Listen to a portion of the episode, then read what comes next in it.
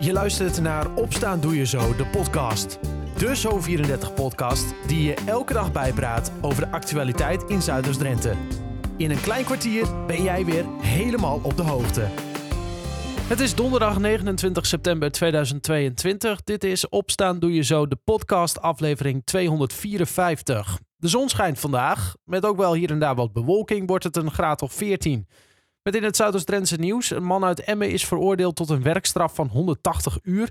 En een voorwaardelijke celstraf van vier maanden voor het stalken van zijn ex. Ook moet hij een schadevergoeding van bijna 4000 euro betalen. En heeft hij een locatie- en contactverbod gekregen. Zometeen meer nieuws uit Zuidoost-Drenthe. En je hoort over de motie van de VVD en de Partij van de Arbeid in Emmen. Zij willen graag een kinderraad en kinderburgemeester. Maar eerst naar Koevoorde, waar inwoners van de wijk Ossehaar niet tevreden zijn over de gang van zaken rondom de opvang van Oekraïense vluchtelingen. De gemeente heeft gezegd voor een jaar daar tijdelijk mensen op te vangen in de wijk, maar heeft een vergunning aangevraagd voor vijf jaar. De 400 inwoners van de wijk schrokken van die aanvraag van de gemeente Koevoorde over de duur van de opvang. Bewoner en bezwaarmaker Marianne Timmerman vertelt bij verslaggever Dylan de Lange waarom ze tegen die periode van vijf jaar zijn. Als je een vergunning afgeeft voor vijf jaar, dan kan die zonder al te veel moeite verlengd worden naar tien jaar. En uh, als die erdoor is, dan word je eigenlijk als bewoner uh, vijf of tien jaar monddood gemaakt. Uh, dan moet je maar slikken wat daar gebeurt. En, de gemeente die zegt dan stellig, het is voor een jaar maximaal. Uh, tenzij er een noodsituatie uh, nog steeds van kracht is. Jullie zijn toch bang voor uh, toch een aantal jaren extra? Ja, wij denken, hoewel de gemeente steeds heeft aangegeven dat de intentie niet is dat het vijf jaar blijft, hebben ze toch de vergunning voor vijf jaar afgegeven. En zijn we ook bang dat het vijf jaar of misschien nog wel langer blijft. En geluidsoverlast. Ja, ja, dat, uh, dat valt de mensen zelf die daar zitten, de Oekraïense mensen, niet aan te rekenen. Uh, maar als je op, in een wijk 120 mensen bij elkaar zet, heb je woongeluiden en uh, kindergeluiden en noem maar op. En dat is vele malen meer als wanneer er zes woningen zouden staan. En het zicht van de containers stond jullie tegen? Ja, ja, er is niks uh, aan de esthetische kant uh, van de bouw gedaan. En, uh, Want u ziet het vanuit de achtertuin? Ja, ik zie het vanuit de achtertuin. Ja. Spierwit en met grote rolluiken ervoor. Dus het is niet een, een fantastisch aangezicht. Nee, daar moet dan ook nog iets aan gedaan worden. de gemeente die heeft gezegd, we zullen het meenemen in het eerstvolgende collegegesprek, de collegevergadering. Waar hoopt u op? Nou, we hopen natuurlijk dat de termijn ingekort kan worden. En uh, dat we een beetje zeggenschap hebben in uh, hoe we de geluidsoverlast wat kunnen beperken. En uh, door bijvoorbeeld geluidswal, bosjes, het een beetje uit zicht halen. Maar ook de verkeersveiligheid, dat daar even naar gekeken wordt. Want de weg naar het plan toe is een, is een bouwstraat. Als daar mensen overlopen zonder voetpad, zonder verlichting, ja, dan, dan is dat in onze beleving niet heel erg veilig. Aldus bewoner en bezwaarmaker Marianne Timmerman over de vergunning voor de opvang van vluchtelingen in de wijk Ossehaar in Koevoorde. De gemeente laat weten over de duur van de termijn te vergaderen en daarover in gesprek te gaan met de bewonersgroep. Wordt vervolgd dus. Zometeen in de podcast hoor je over een mogelijke kinderraad in de gemeente Emmen. Dat naar het nieuws uit Zuidoost-Drenthe. Een man uit Emmen is veroordeeld tot een werkstraf van 180 uur en een voorwaardelijke celstraf van 4 maanden voor het stalken van zijn ex. Ook moet hij een schadevergoeding van bijna 4000 euro betalen en heeft hij een locatie- en contactverbod gekregen. Nadat de vrouw de relatie verbrak, stalkte de man zijn ex en beet hij haar dochtertje in de arm. De man en vrouw hadden 2,5 jaar een relatie, kregen een kind samen en hadden plannen om te gaan trouwen. Maar uiteindelijk liep het allemaal anders voor de twee. De man bekende zijn daden. Omwonenden van windmolens worden met de geluidsregels onvoldoende beschermd tegen overlast. Dat blijkt uit een inspectierapport dat Sembla in handen heeft. In dat rapport staat dat er in de geluidsnormen voor windmolens geen rekening gehouden wordt met lawaaipieken, waardoor omwonenden niet kunnen slapen. In Zuidoost-Drenthe wordt momenteel gewerkt aan windmolenpark de Drentse Monden en Oostermoer. Daar komen 45 windmolens.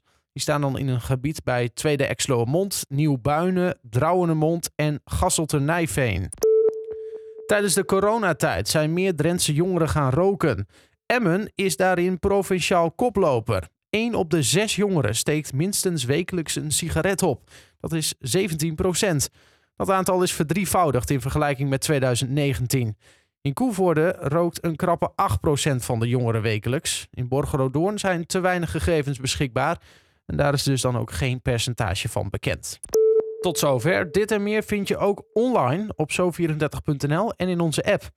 De Emmer-afdelingen van de VVD en de Partij van de Arbeid pleiten voor de invoering van een kinderraad en kinderburgemeester. Vanavond wordt er over deze motie vergaderd tijdens de raadsvergadering. Ik spreek er alvast over met Anita Scheper van de VVD. Anita, allereerst, hoe moeten we zo'n kinderraad zien? Is dat dan eigenlijk wat de huidige raad nu doet, maar dan in het klein? Ja, zo zou je het uh, kunnen zien. Uh, het zijn kinderen die hun wensen kenbaar maken. Mm -hmm. En uh, dingen leren over democratie, politiek en participatie. En op die manier hun eigen wensen kenbaar kunnen maken. Ja. Ja, uh, jullie hebben nu uh, samen met de Partij van de Arbeid uh, zeggen jullie van, nou, we willen dat wel graag. Hè? Dat wordt dan in een zogeheten motie wordt dat dan aangediend of ja. aangeboden. Um, hoe is dit samen tot stand gekomen? Of was het toevallig dat jullie allebei hetzelfde op hetzelfde moment wilden doen? Nou, het speelde al een tijdje en uh, wij wisten dat uh, de, de, fractie van de PvdA daar ook wel uh, positief tegenover zou staan. Dus we hebben de handen ineen geslagen. Ja, ja. En, en, en dit is natuurlijk niet iets wat alleen dan in Emmen moet zijn, want we zijn er hierin niet voorlopen volgens mij. Nee, er zijn al een aantal gemeentes die ook een kinderraad en een kinderburgemeester hebben. En wij vinden dat ook heel erg belangrijk dat in onze gemeente een kinderburgemeester en een kinderraad is. Ja, hoe gaat dat in andere gemeentes? Is dat bekend? Nou, ik denk dat dat heel goed gaat. Um, ja, um, ik denk dat op die manier kinderen gewoon heel goed kenbaar kunnen maken wat hun wensen, wat ze belangrijk vinden in de gemeente. En uh, dat uh, kenbaar kunnen maken.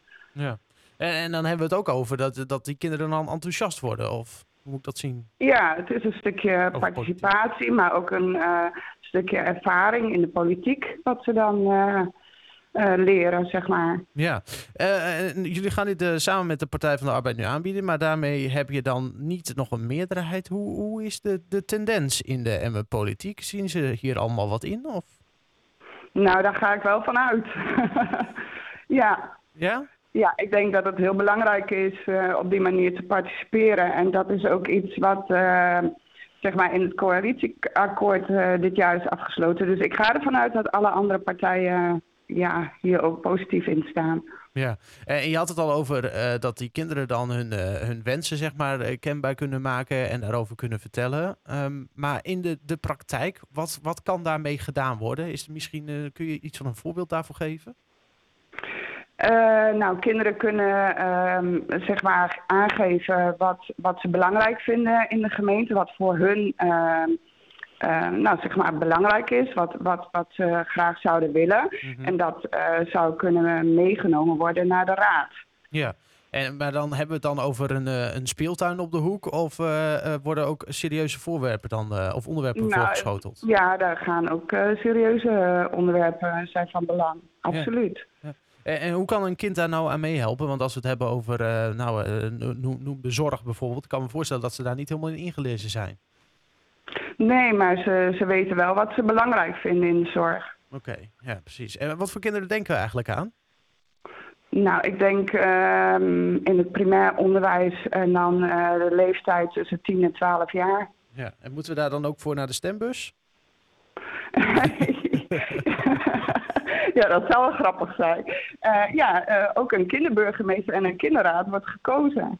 Oh, door? Maar voor niet, ja, door, door de kinderen zelf. Oh, zo ja. Ja, precies. Dus een soort uh, verkiezing op school, zeg maar. Ja, zo zou je dat uh, kunnen voorstellen. Maar dat is ook iets, uh, de, wat betreft de uitvoering en invulling, dat laten we dan over aan de gemeente en het schoolbestuur. Ja, precies. Dus de, de, hoe het er precies dan eventueel uit zou moeten komen te zien, dat is nog niet helemaal duidelijk. Nou ja, goed, daar zijn natuurlijk wel processen voor, maar uh, inderdaad, dat is iets voor de gemeente en het schoolbestuur. Uh, je zegt net van, nou, ik denk dat heel veel mensen of heel veel partijen het hier wel mee eens kunnen zijn. Um, op wat voor termijn moeten inwoners van Emmen dan aan denken van, nou ja, dan hebben we wel ongeveer zo'n kinderraad of een, een kinderburgemeester hebben we dan wel. is daar iets zinnigs over te zeggen? Nou, dat vind ik heel moeilijk om daar een uitspraak over te doen. we hopen natuurlijk dat het op korte termijn plaatsvindt. Ja, Want vanavond dan, is die, dan, dan wordt dat ingediend. Hè? En hoe gaat zo'n proces dan in het kort verder? nou, wij dienen de motie in en dan wordt daarover gestemd. En aan de hand van die stemming gaat het dan verder in het werk, zeg maar. dan, we hopen natuurlijk op een positief besluit. En dan uh, kan het verder uh, hopelijk snel in het werk gezet worden. Al dus Anita Schepen van de VVD in Emmen over de eventuele kinderraad en kinderburgemeester. Meer hierover lees je online op zo34.nl en in de app. Daar vind je ook de reactie van haar Partij van de Arbeid-collega Anita Lauwers. Vanavond wordt er dus over de motie vergaderd in de gemeenteraad van Emmen. Tot zover. Opstaan doe je zo de podcast van donderdag 29 september 2022. Een fijne dag en tot morgen.